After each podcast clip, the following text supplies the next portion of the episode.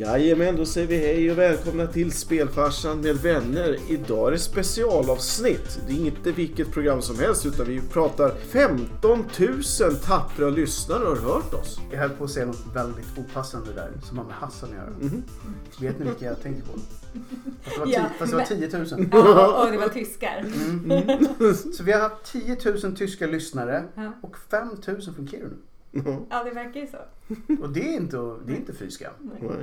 Men alltså, jag vet inte, ska vi, för vi brukar bara ha specialavsnitt på sommaren. Så det här kanske är, det, det, det, det är svårt att greppa konceptet. Ja. För det är inte vinterspecialen, det är inte skräckspecialen, Nej. det är inte grillspecialen Nej. och det är inte julspecialen. Vi har aldrig gjort en julspecial. Nej. Nej, jag tror inte det. Det här, år? det här kanske är det det här är. då. Precis, för tidigt. Glad julafton. Vi har gjort någonting inför ledigheterna. Ja, vi hade också ett spel man spelar över julen och sådär. Mm. Men det är inget av det Mm. idag. Utan idag är det faktiskt att vi firar oss själva lite grann. Woho! Och det är inte svenskt. Nej, fy fasen. Man får inte tycka att man är något i Sverige.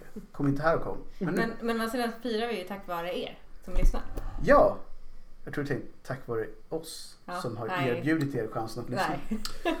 Och ett särskilt tack till de 76 från Moskva enligt statistiken. Ja, det är faktiskt imponerande. Ja, det är faktiskt, det hade inte jag koll på. Säger- hur säger man hej på, på ryska? Jag vet bara Dazdania. Mm. Ja, Nostra... nostra. Mm. Men, men jag tror att alla de orden är hej då. Ja, Det är lite fel att börja så. eller skål. Skål! Det säger de där ofta. Nastrovje. Nastroj. Men i alla fall, det här är alltså för att fira att vi har hållit på, hur många år är det nu? Ja, det är fem år snart. Mm. Och vi har ju pratat om det här förr, men nu har vi kommit upp i 15 000 lyssnare. Mm. Varav ett gäng av er är bottar. Vi vet. Mm. Och ni vet. Men ni är också välkomna. Men ni är också det. Vi är öppna för alla. Mm. Vi diskriminerar inte bottarna. Nej, och det kanske vi är först med. Mm. Vi välkomnar dem in. Mm. Så egentligen ska vi bara prata om vad härligt det har varit och vad som händer. Men innan vi gör det, vi har ju ändå chansen nu att försöka oss på antibongo. Mm. Ja. Och jag tänkte, vi börjar med den här då. Mm. Ja. Och jag ser ju på en gång att den där gav utslag. Det, var, Mm. det var ingen bongo. Ingen bongo. Nej. Och det känns ju bra. Ja. Så att, vad ska vi, vad vill vi, vad ska man säga? Vi har nått 15 000. Det är lite sjukt när man tänker på. För jag har tänkt, i en digital ålder så är siffror oftast så här att man kollar på staplar. Man ser att så här så många kommer in per dag. Men det jag inte tänker på alltid att det är faktiskt en person. I, förutom bottarna då. Så någon har ju aktivt gått in och faktiskt lyssnat på det vi har pratat om. Mm. Eller pratat runt. Ibland så är det väl lite diffust vad vi faktiskt har pratat om. Men det är ändå 15 000 någonting som har varit inne och lyssnat. Ja, och det är riktigt intressant om man tittar på statistiken. Jag gillar ju siffror och sånt där. Det är att vi har idag i princip en 50-50 split mellan Sverige och andra länder. The States. Mm. know The States is, är... Big in Texas!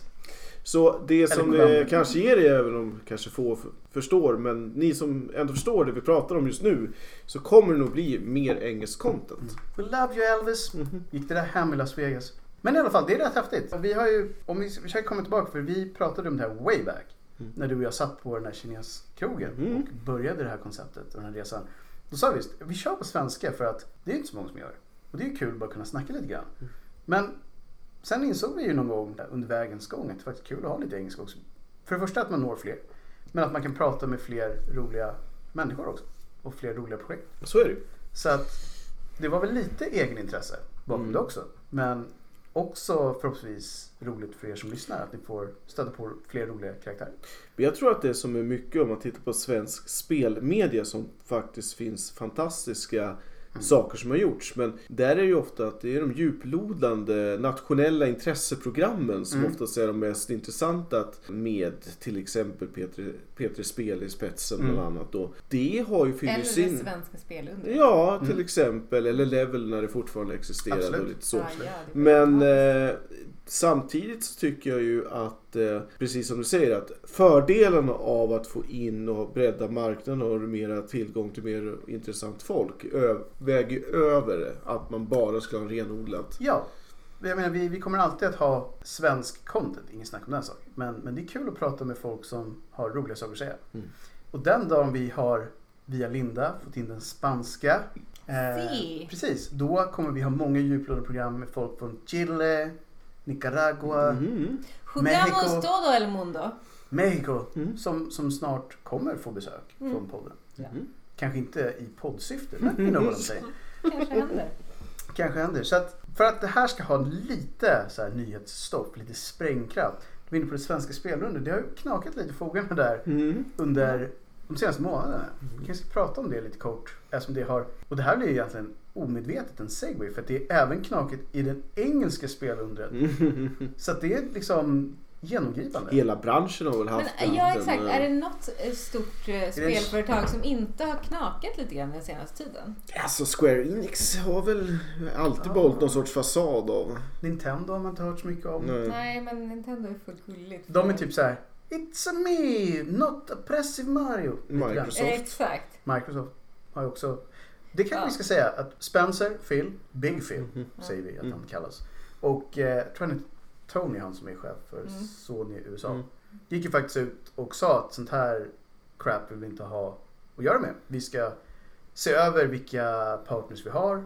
Vi vill stå för liksom, en schysst kultur inom gaming. Mm. Och man kan ju hoppas att de faktiskt menar att det inte bara är så här, det här är bra att säga. Sen, sen kan man ju också, om man ska, det är ingen ursäkt utan kanske förklaring men det har ju också, jag tror att det mycket har hängt det när det har varit grabbnormer och grabbar som kanske behöver växa upp. Verkligen. Och verkligen. då har man ju haft lite sådana här problem. Ja, och ett av problemen, och det tycker jag alltid, för det är alltid så här, ja, vi måste ha mer kvinnor i eh, sektorn, 50-50, vi ska kvotera in. Det är inte det som är problemet, det är att det är totalt sett fortfarande så i dagens statistik, ungefär 70% män i sektorn totalt sett. Och då är det svårt att få 50-50 för att det är inte den liksom, uppdelningen totalt sett.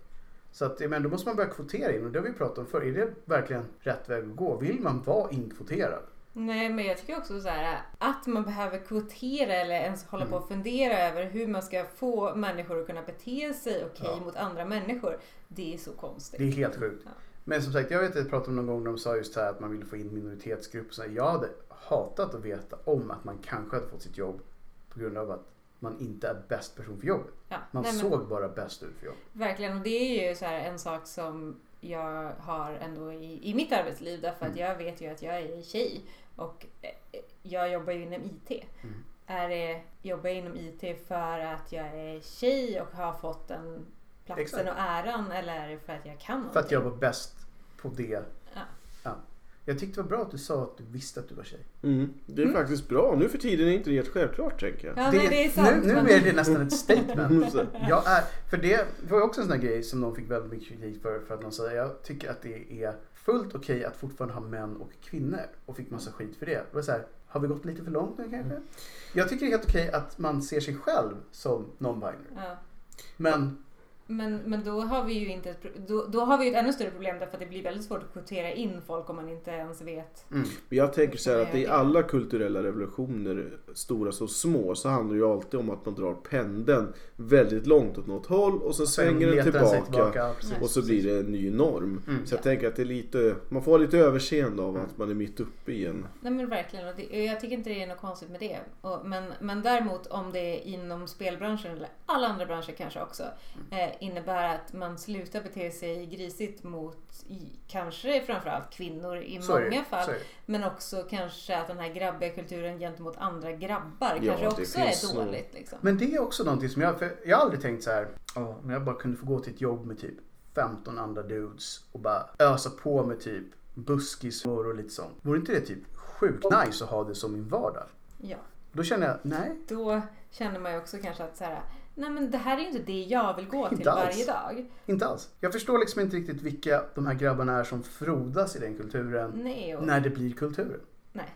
Eller är det bara massa som du vet inte säger någonting? Ja, nej men jag tror det. Jag tror att det, det handlar ju väldigt mycket om just det. Att man försöker passa in. Det kommer in Mm. nya människor som försöker passa in och sen passar de inte in. Och jag tror att det gäller ganska mycket också tjejer inom tech. Inte längre kanske så mycket men, men definitivt för 10-20 år sedan. Mm. När killar inte egentligen behövde hävda sig i, Nej. i sina Mm. yrkesroller. Medan tjejer definitivt försökte Behövde hävda sig alltid för att vara visa liksom- att de kunde någonting. Och det där Ja. tror jag att jag är, även är sanning inom bygg eller inom motor eller Ja, alltså var som egentligen. Och- Eller, eller så här förskollärare där, där liksom killar Ja, måste på något sätt absolut. hävda att det är, så här, det är okej, jag är faktiskt inte pedofil. Jag, Nej. jag, jag är här för att jag tycker att det är kul. Där har du en, en jättepoäng för det vet jag att de hade ju kollat på, och jag tror att det är ett sånt yrke där även eh, män, alltså som inom eh, gynekologyrket. Ja. Där de hade kommit fram till att det nästan inte är några män kvar. Så de som var gynekologer har slutat. Mm.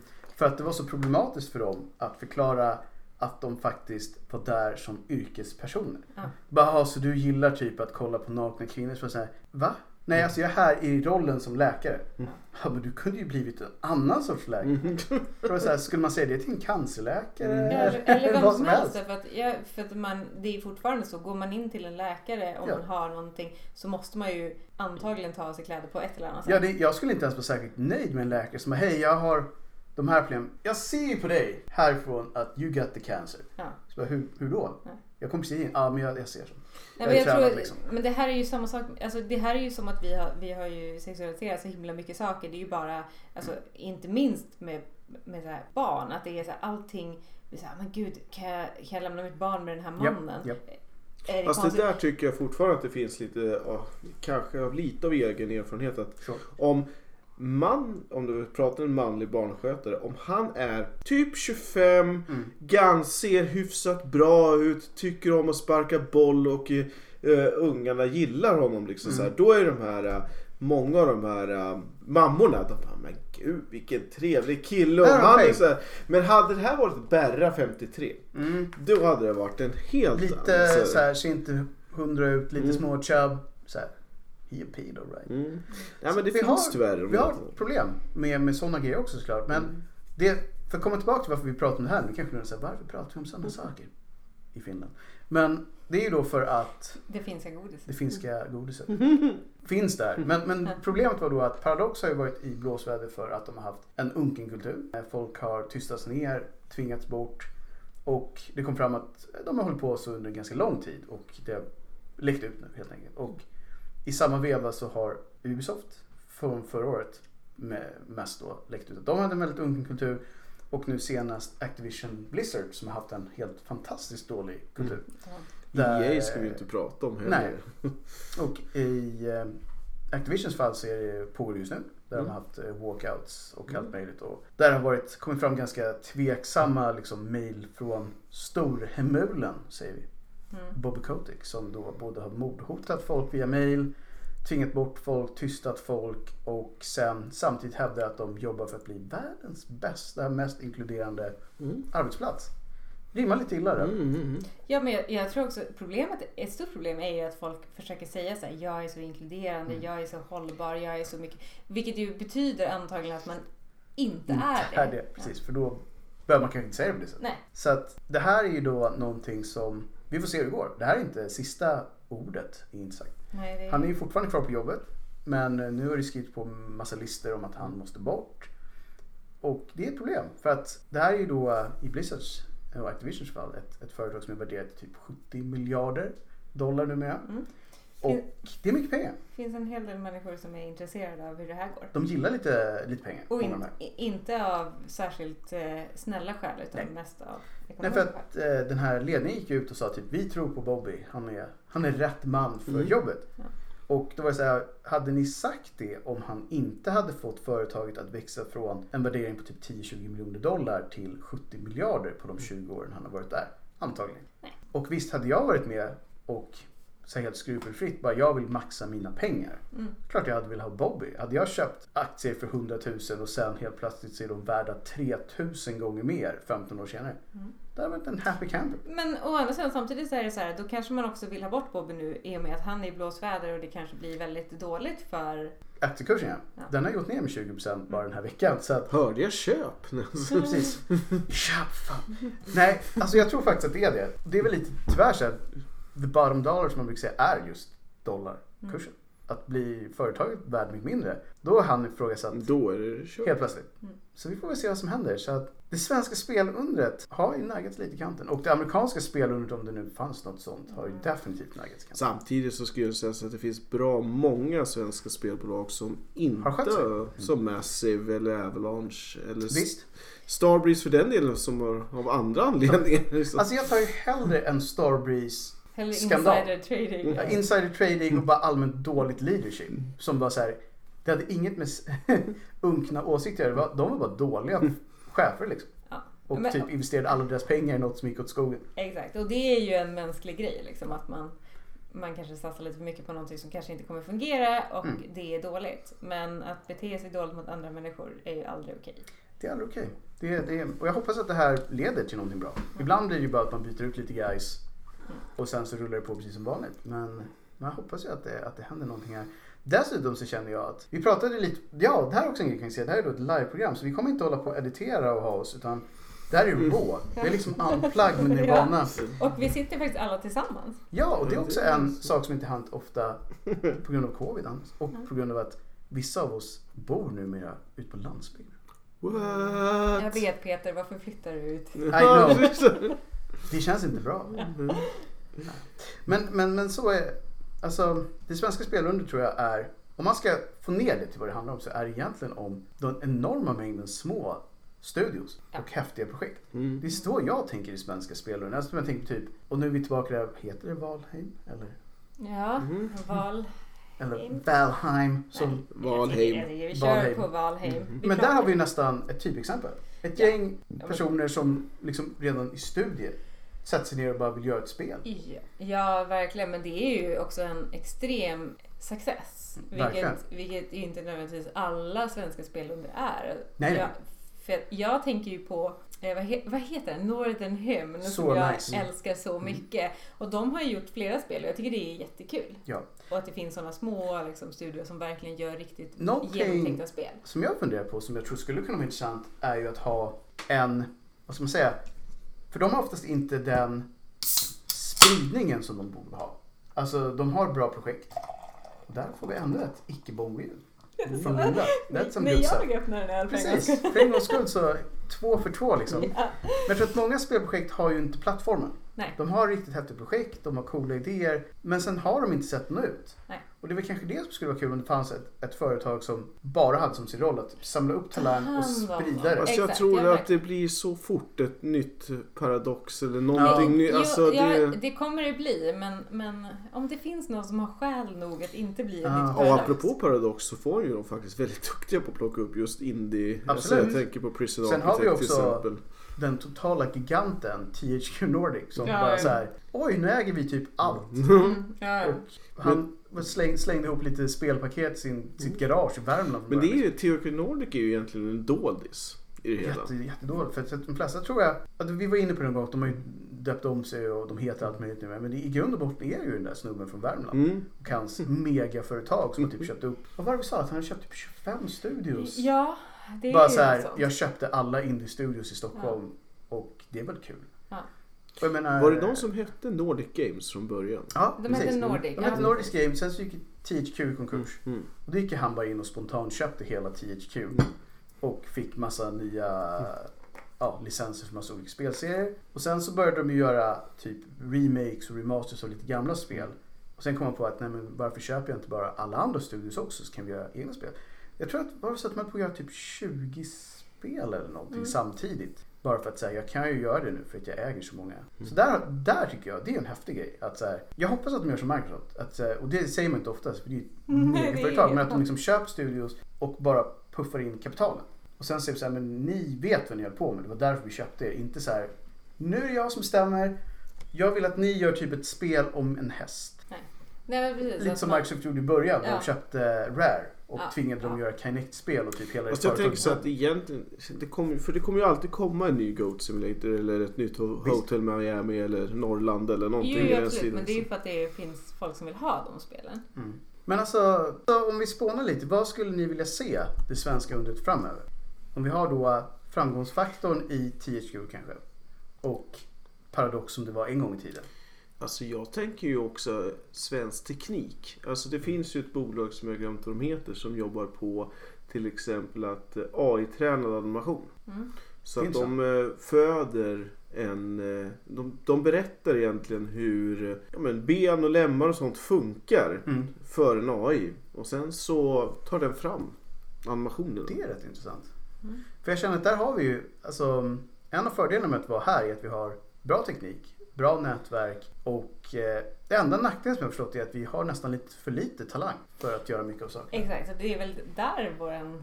Och nu svårt också att locka in folk i spelbranschen för att den har ju oftast ett, lite som ska jag säga sjukvården. Ja. Alltså att man har gärna plockat in folk bara på grund av deras vilja att arbeta med spel. Man får inte de bästa lönerna, man får inte de bästa förhållandena utan man säger ni vill ju göra spel, kom hit. Plus nu med tanke på alla Mm. sexismskandaler som har funnits så är inte det, det är inte en lockande bransch. Nej, och det där måste de ju ta tag i. Att, att det känns lika självklart att göra en karriär där Ja. som någon annanstans och veta att jag kommer kunna göra en bra karriär, få bra betalt för det jag gör och bli behandlad på ett bra sätt. Men sen vet jag inte, hur är det nu för tiden med arbetstider? Därför jag, jag minns ju för tio år sedan när min brorsa jobbade på ett spelföretag och han sa att det var helt omöjligt att ha barn och Familjen. jobba. För då hade han ju också småbarn. Mm. Och det gick ju inte ihop. Det beror alldeles på tror jag vilket bolag vi pratar Visst. om. Ja. Men, jag- men jag läste just en eh, statistik re- rent generellt att de flesta som jobbar med spel börjar någonstans när de är 25. Mm. Slutar när de är ungefär 35. Mm. För då har de skaffat familj. Ja. Och då har de antingen kommit upp till upper management Mm. och kan ha normaliserade tider för att jobba som chef. Eller så tar man klivet över till någonting annat där man får lite mer normala arbetstider. Mm. Och det är väl så här, det är också så konstigt för det känns som att det är en bransch där crunch bara förklaras som att det är en del av liksom, Cool. Mm. Marknaden, exakt. alltså, som som, det att, är. som att det är en del av Istället för att- jobbar. I min värld så är det bara dålig planering. För om du har ett spel så säger du inte att det ska klart om ett år om det egentligen borde ta två år. Mm. Men det är också för att man lever i en bransch där, jag tänker så här, vanlig IT så lever man i en bransch där man, så här, man är okej med det som är, är okej nu, Mm. eh, rent tekniskt. Och så säger man så här, för oss har det tre år att utveckla den här tekniska plattformen som är okej rent tekniskt just Ja. nu. Men för spel är det ju en helt annan grej därför att du Mm. utvecklar ju spel som ska vara bra om Oh ja. fem år. Men jag tror Absolut. att det här med de här treårscyklerna för spel det kommer vara en sak av dåtid. Jag Ja. tror på att eh, hela early access-biten men speciellt att det blir att konsumenterna kommer ha mer och mer makt Mm. i utvecklandet. Det har man ju bara sett av Kickstarter till exempel. Eller Verkligen. någonting i den stilen. Så att eh, det är... eh, Ja, det är klart det kommer alltid finnas något eh, undantag från regeln. Visst, för mig, jag kommer ihåg när hela den här um, typ crunch-kulturen fick lite mer, uh, och det var ju, vad heter de som gjorde LA Noir? Mm. Eh, som det var, var det kom fram att man typ hade bott på kontoret i Ja. typ ett halvår. Sovit under sina bord Mm. och sen bara jobbat. Och även personer Nintendo. Ja men precis, bara även sådana som inte hade någonting var tvungna att komma in till kontoret för att ingen skulle solidariskt få vara ledig Mm. liksom. Och det är så här, det är sånt skulle man inte få okej med nästan på något annat ställe. Ja, men Japan har ju har ju en sån kultur Japan- rakt över. Men, Men där, där kommer de på ett sätt undan med för att som du säger, där är alla. Mm. Japaner har ju det i sig att man jobbar galet mycket. Mm. Men där har de ju också kommit på att de producerar inte mer. Mm. Alltså så här, om man jämför, det- jag tror de jämför med USA. Så här, företagskulturen i USA, företagskulturen i Japan producerar mer i USA än i Japan. Men japanerna jobbade typ nästan dubbelt så mycket. Plus att japanerna producerar inga barn så det kommer inte Exakt, så helt Sant. plötsligt så producerar de ingenting. Men jag tror nyckeln är där du säger att det är bra planering som Mm. A och O och att kunna ta bra beslut. Precis. Men det är jättesvårt att planera för framtiden, tänker jag. Så är det ju. Och sen är det väl också så här, säg att du har en liten indie-studio. Jag tror att de flesta som gör indie-steget antingen är precis i början av karriären eller så har de haft en dröm om att göra spel. Har jobbat med någonting annat, byggt upp typ en buffert och tänkt så här, nu ger jag mig själv ett år eller två år. Mm. Och så kör de bara. Och sen så hoppas de att de hinner bli klara med sitt projekt. Så det är oftast så här att då har de ju redan från början sagt att det ger mig så här så här mycket tid. Det är speciellt, för jag menar det är inte så många andra företag som bygger på den grejen. Så jag startar ett företag inom det här och jag ger mig själv ett år och går inte det så lägger jag ner. Ja, men Ja, det händer väl med ganska många upstarts. No. Jo men tror du att, Jo, alltså men om- planerat att det ska ta slut? Det är det jag menar. De flesta startar Mm. väl och hoppas att det här blir mitt Ja, jobb jo i och för sig. Mm. från och med nu. Medan många men som kör... okej med om det Mm. inte händer. Men många indies har såhär, jag har lagt undan för två år och sen så går jag tillbaka till mitt dayjob liksom. Mm. För att de Men då har det som en hade det ju varit ganska bra om man hade kunnat blivit eh, uppbackad av ett, ett, större, Mm. eh, ett större bolag som kan säga så här, men hörni, vet ni vad? Vi, det verkar som att ni är villiga att cruncha just nu. Precis. Så då, då, då kör vi det. Vi crunchar. Det är också intressant för jag tycker att är man okej med det? Ja. För det är det som är problemet att när man tvingas typ slavarbeta ja. så är det inte okej. Men om jag bara brinner för mitt projekt Ja.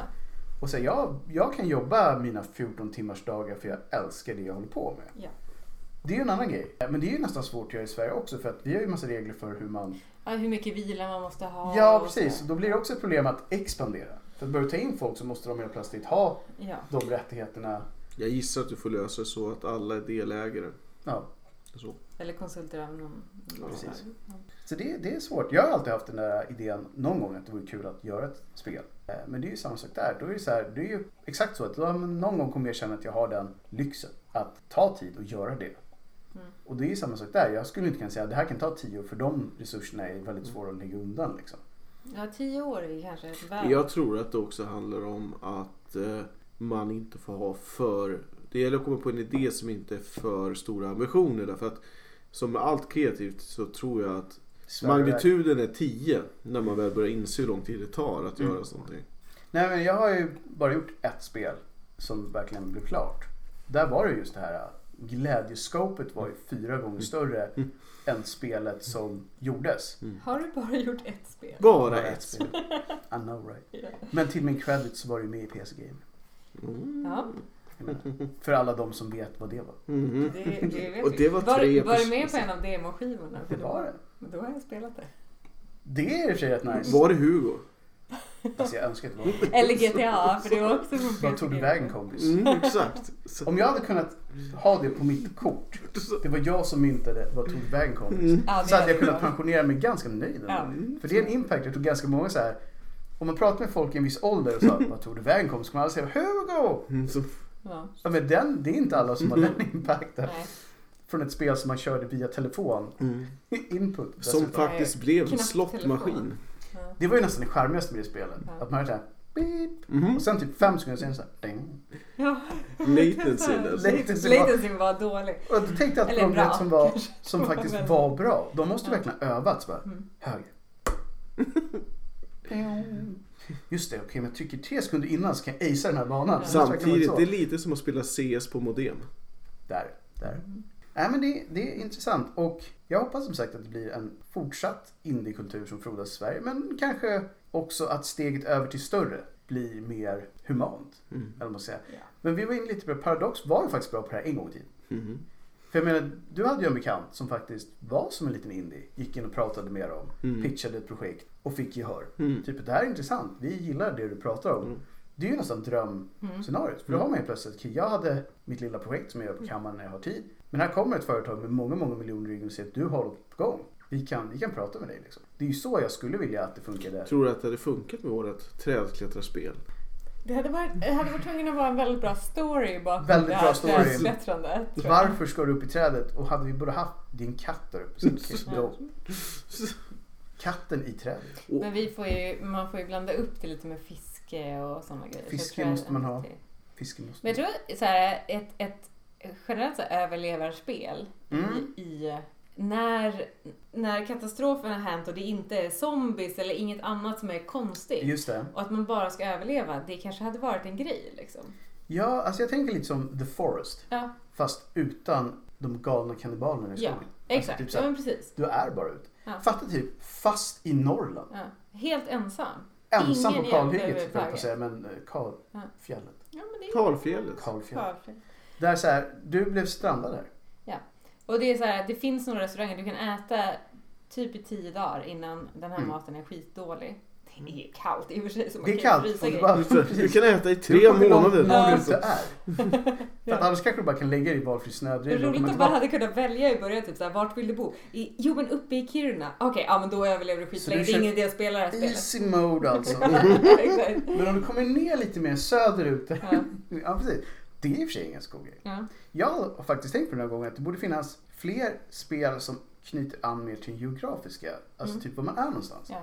Och det var det jag gillade lite med Northern Hymn. Ja. För att det är, så här, det är nordisk mytologi men det är inte typ Oden. Nej. Utan det är liksom den andra nordiska mytologin med troll och Ja, Mm. exakt. Det är ju John Bauer. John Bauer-grejen. Ja. Precis, det är liksom skogsrået och Ja. Mm. troll.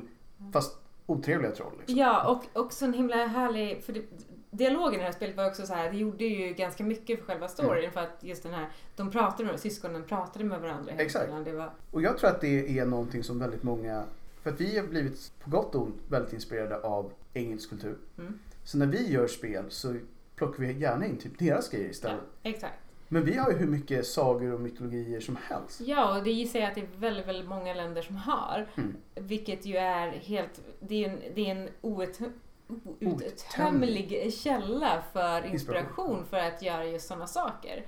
Och, och det är bara, även om jag spelade Northern Hymn och Mm. älskade det, så kände jag så här, det är ju delar av det här som jag absolut inte känner igen från... Exakt. Mm. Men det, det, det är någonting som jag tänkt någon gång att man skulle kunna ha en spelstudio som fokuserar på de idéerna. Mm. Typ att vi kommer inte ha en genre kanske men vi kommer hålla Men- på med sådana grejer. Ja. Eller typ så här, äh, för Paradox körde ju strategiska historiespel. Ja. Men man skulle kunna ta spel som bygger på historia fast med något annat. Verkligen. Typ ett äventyrsspel att du har ett skepp under Hansa-tiden och bara ska ta dig till Tyskland och typ Jo. sälja dina grejer. Ja, och men just eh, ekonomiska spel som inte egentligen innehåller någon krigsföring. Mm. Det är ja, men, som sagt Ostindiska kompaniet Ja, och skulle man vara skulle rätt kunna roligt. verkligen, eller typ, säg, få in lite drama. Du är en köpman i Visby när Mm. danskarna kommer. Mm. Fixa den grejen. Liksom, är du medlöpare och blir en, Ja. kör den grejen eller är du ute och blir en rebell i skogen? Liksom. Det finns jättemycket sådana Jo, men jag, jag brukar, det, det jag Ja, brukar tänka på när man pratar om just den här biten det är att när, visserligen brukar du fuska sjukt mycket, det hade Linda gillat, men när man skapade Ja, sina... det. Är, det är ett sätt att spela tycker jag. Det är inget konstigt. När man kan satt och spe, skapade sina gamla DD-karaktärer. Då kunde man ju med otur få fram en liten knubbis som var helt värdelös på slåss och Oh ja. antagligen inte hade någon chans någonstans. Men just det att det skulle vara så, det skulle vara så intressant att spela en karaktär som är totalt värdelös Mm. men som måste hitta andra, Andra sätt att liksom fixa det här. Och det är faktiskt någonting, för jag pratade med några som håller på väldigt mycket med rollspel, Mm. eh, streaming. Om man på något sätt kunde knyta ihop den grejen med spel. Mm. Så att man har en interaktiv, så här, man jobbar fram sina karaktärer, släpper dem i en spelvärld. Som du säger, den här snubben är bara skräp. Mm. Så han måste ta sig an problemen genom att bara snacka sig fram. Mm. Medan någon annan kanske bara säger, ja men jag var snygg. Så jag kommer charma mig Mm. hela vägen igenom. Och att det skulle kunna finnas en spelvärld som reagerar på sånt. Lite som, alltså en del spel har ju flörtat lite med någonting med typ Deathloop. Där Ja. man kan testa massa, massa olika grejer och sen förr eller senare så hittar du ett mönster som tar dig hela vägen i mål. Eller vad man ska säga. Men Shovel Knight. Shovel Knight, absolut. Men där det kan ske på en lite Mm. mindre dramatisk Ja. nivå. Alltså så här, din, din, ditt mål är bara typ inte dö. Eller Mhm. typ att Överleva. i slutet så har du ett hus Mm. där du kan bo. Liksom. Alltså så här, drama går att göra med så mycket mer än att typ, du ska bli kung av Sverige Ja, eller president. Exakt. Liksom. Och det tror jag, de här, för det om man tar typ Stardew Valley. Om man kollar utifrån vad det går ut på så är det ju rent nonsens. Mm. Du, du ärver en liten farm. Mm. Nu ska du odla typ rover. Ja. Det låter Men skittråkigt de har ju oftast att de gör ju alltid så att de, det, det är ju bra. Men sen Mm. så har du ju, de har ju också combat och eh, Ja. Dungeon Crawler. Men jag tänker mer på som, eh, vad heter det, Farm Simulator. Exakt, där har man verkligen det. Någon som har kört skördetröska i Low 30 action så- liksom. Så det är sånt där tror jag mycket på. Mm. Att man bara får rätt blandning. Och det finns vissa genrer där det känns, men det känns som att det går att göra det med fler. Mm. Det var som det här spelet som var jättestort nu för typ någon månad sedan. Det var, man sköt en mack. Mm. Eh, Verkligen bara en bensinmack liksom. Och det blev jättepopulärt. Mm. För att det var så mycket multitasking man behövde göra. Typ, du måste ut och laga en bil och sen så kommer det kunder som ska köpa och du måste springa och göra det. Sen kommer den här snorungen och klottrar på din, typ ditt skjul. Då måste du jaga bort den. Mm. Och helt plötsligt satt folk och körde det i 60-70 timmar för att det var, Mm. det var så pass... På något sätt så var det, det spelar ingen roll att det var en mack. Man ville förädla Mm. konceptet hela Jo. vägen ut. Men det är väl, ja exakt, och det är väl så här management-grejer. Ja, liksom att det- man ska få, få det att fungera Mm. och att man har supermycket saker som man måste göra samtidigt, Mm. vilket man ju måste göra i vanliga livet. Och jag har alltid velat ha ett spel som är lite så här, försök att balansera dina finanser. Typ du är en person som lever, du har inte superbra lön, Mm. men du kan betala din hyra, men du har lite problem med andra grejer, vilket innebär att du måste ta lite lån Mm. och sen kanske du måste betala tillbaka det. Så att, att målet är att försöka hålla sig plus minus noll Just hela... det, flytande liksom. Ja, precis. Utan att... Det är coolt. Mm. Typ så här, everyday economics. Ja, exakt. Någonting på svenska. Typ. Ja. Håll i plånboken. Ja, det blir Fast tror inte att det kan bli lite så här för realistiskt så att det blir liksom att ingen att, det, spelar att det det. inte blir en, en så här escape from Mm. reality, Mm. vilket du egentligen vill ha när du spelar Mm. spel. Det är ju, det är ju en balansgång. Mm. För jag tror att, som folk säger, jag spelar spel för att inte, för att typ koppla bort min vardag. Mm. Men det kanske då skulle vara folk Det- som upplever någon annans vardag. Ja. Alltså så här, för det här är inte min vardag men det här är Exakt, någons men jag vardag. vill, ja, men jag vill känna Men det är därför känns. jag antar att många tv-serier liksom, Mm. som är Ja, sådana exakt. socialrealistiska. Ja, ja, men verkligen. Men det är ju som den här memen, eller vad det nu är, jag vet inte riktigt vad en meme är, men när det står, när någon kille säger till någon tjej så här, varför har du... Nej, en tjej säger till en kille, du, varför spelar du fortfarande tv-spel? Mm. Och tjejen svarar så här, eller killen svarar så här, det är väl som du har smink på dig fortfarande. Ja. Det är escape from reality. Liksom. Så är det. är- ja. Och där är också en intressant grej, just det här med, och det hoppas jag är, kommer försvinna, just det här med att spel alltid har setts som någonting man växer ifrån. Mm. På många sätt. Så här, men nu är ni ju vuxna. Fast jag tror ändå att det beror på hur man definierar spel. Definierar spel som inkluderar mobilen så spelar ju ändå 43% av världens befolkning. Ja, och det, nu har det kommit så långt så jag skulle säga, mot min vilja, att mobilspel ändå på något sätt är spel. Från början så såg jag det som en alternativ, Skräp. Ja, men alternativ kategori för de som inte riktigt spelade men som gillade att spela. Fast det är väl lite grann som att säga så här, ja ja, men om mormor säger varför spelar du tv-spel? Så är det, men Mm. gud varför spelar du patiens? Eller varför Exakt, du spelar får ut samma grej varför där. Leker du, eh, varför skriver du korsord? Liksom? Ja, eller att man går hem och ser på en såpa varje Ja, dag. Det är så- samma grej. Så, menar, vi har Det är kanske våra- spel.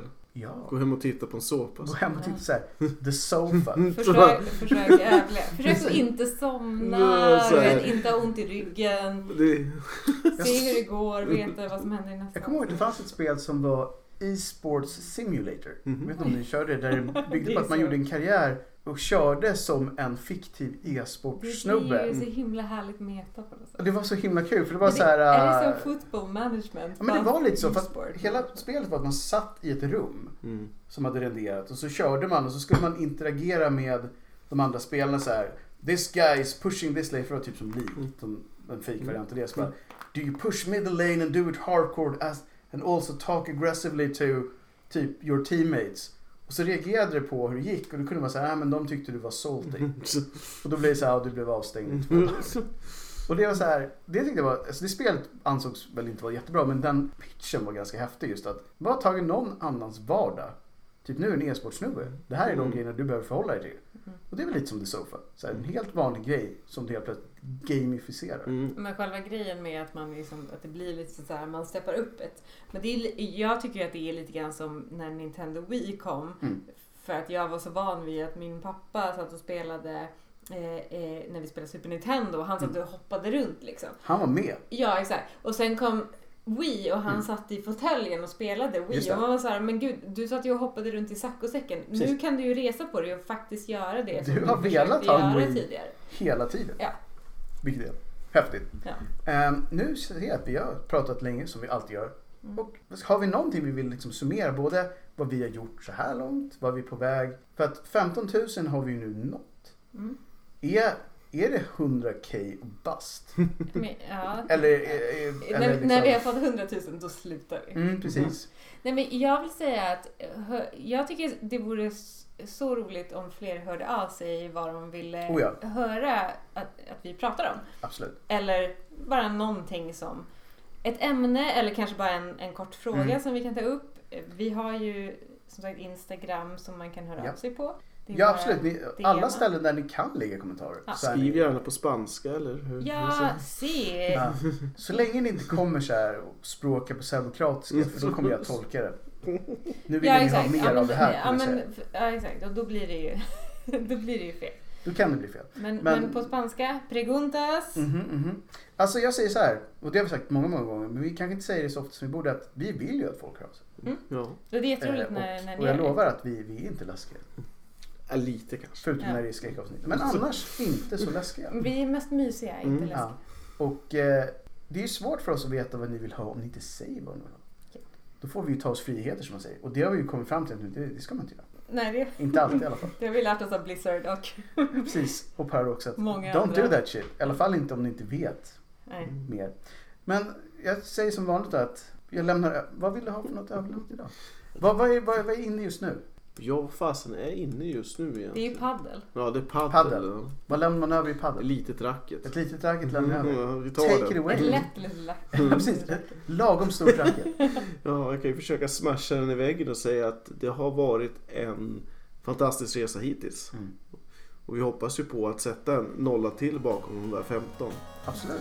Så Så, eh, blir inte av med oss än så länge. så får vi se om det blir det där eh, heter det, eh, politiskt realistiska konservativprogrammet eller vad det var vi snackade Just om att det, som vi skulle ha gjort sen efter det. Men fram tills dess som sagt, hör gärna av er, kom med åsikter. Kanske till och med vill jag vara med om det är något intressant att förtälja. Oh, ja. Det är bara att höra av sig så hoppas vi på att vi hörs på alla möjliga sätt alldeles snart. Ja, Ha det bra. tills dess får ni ha det så bra. Hej! Hej!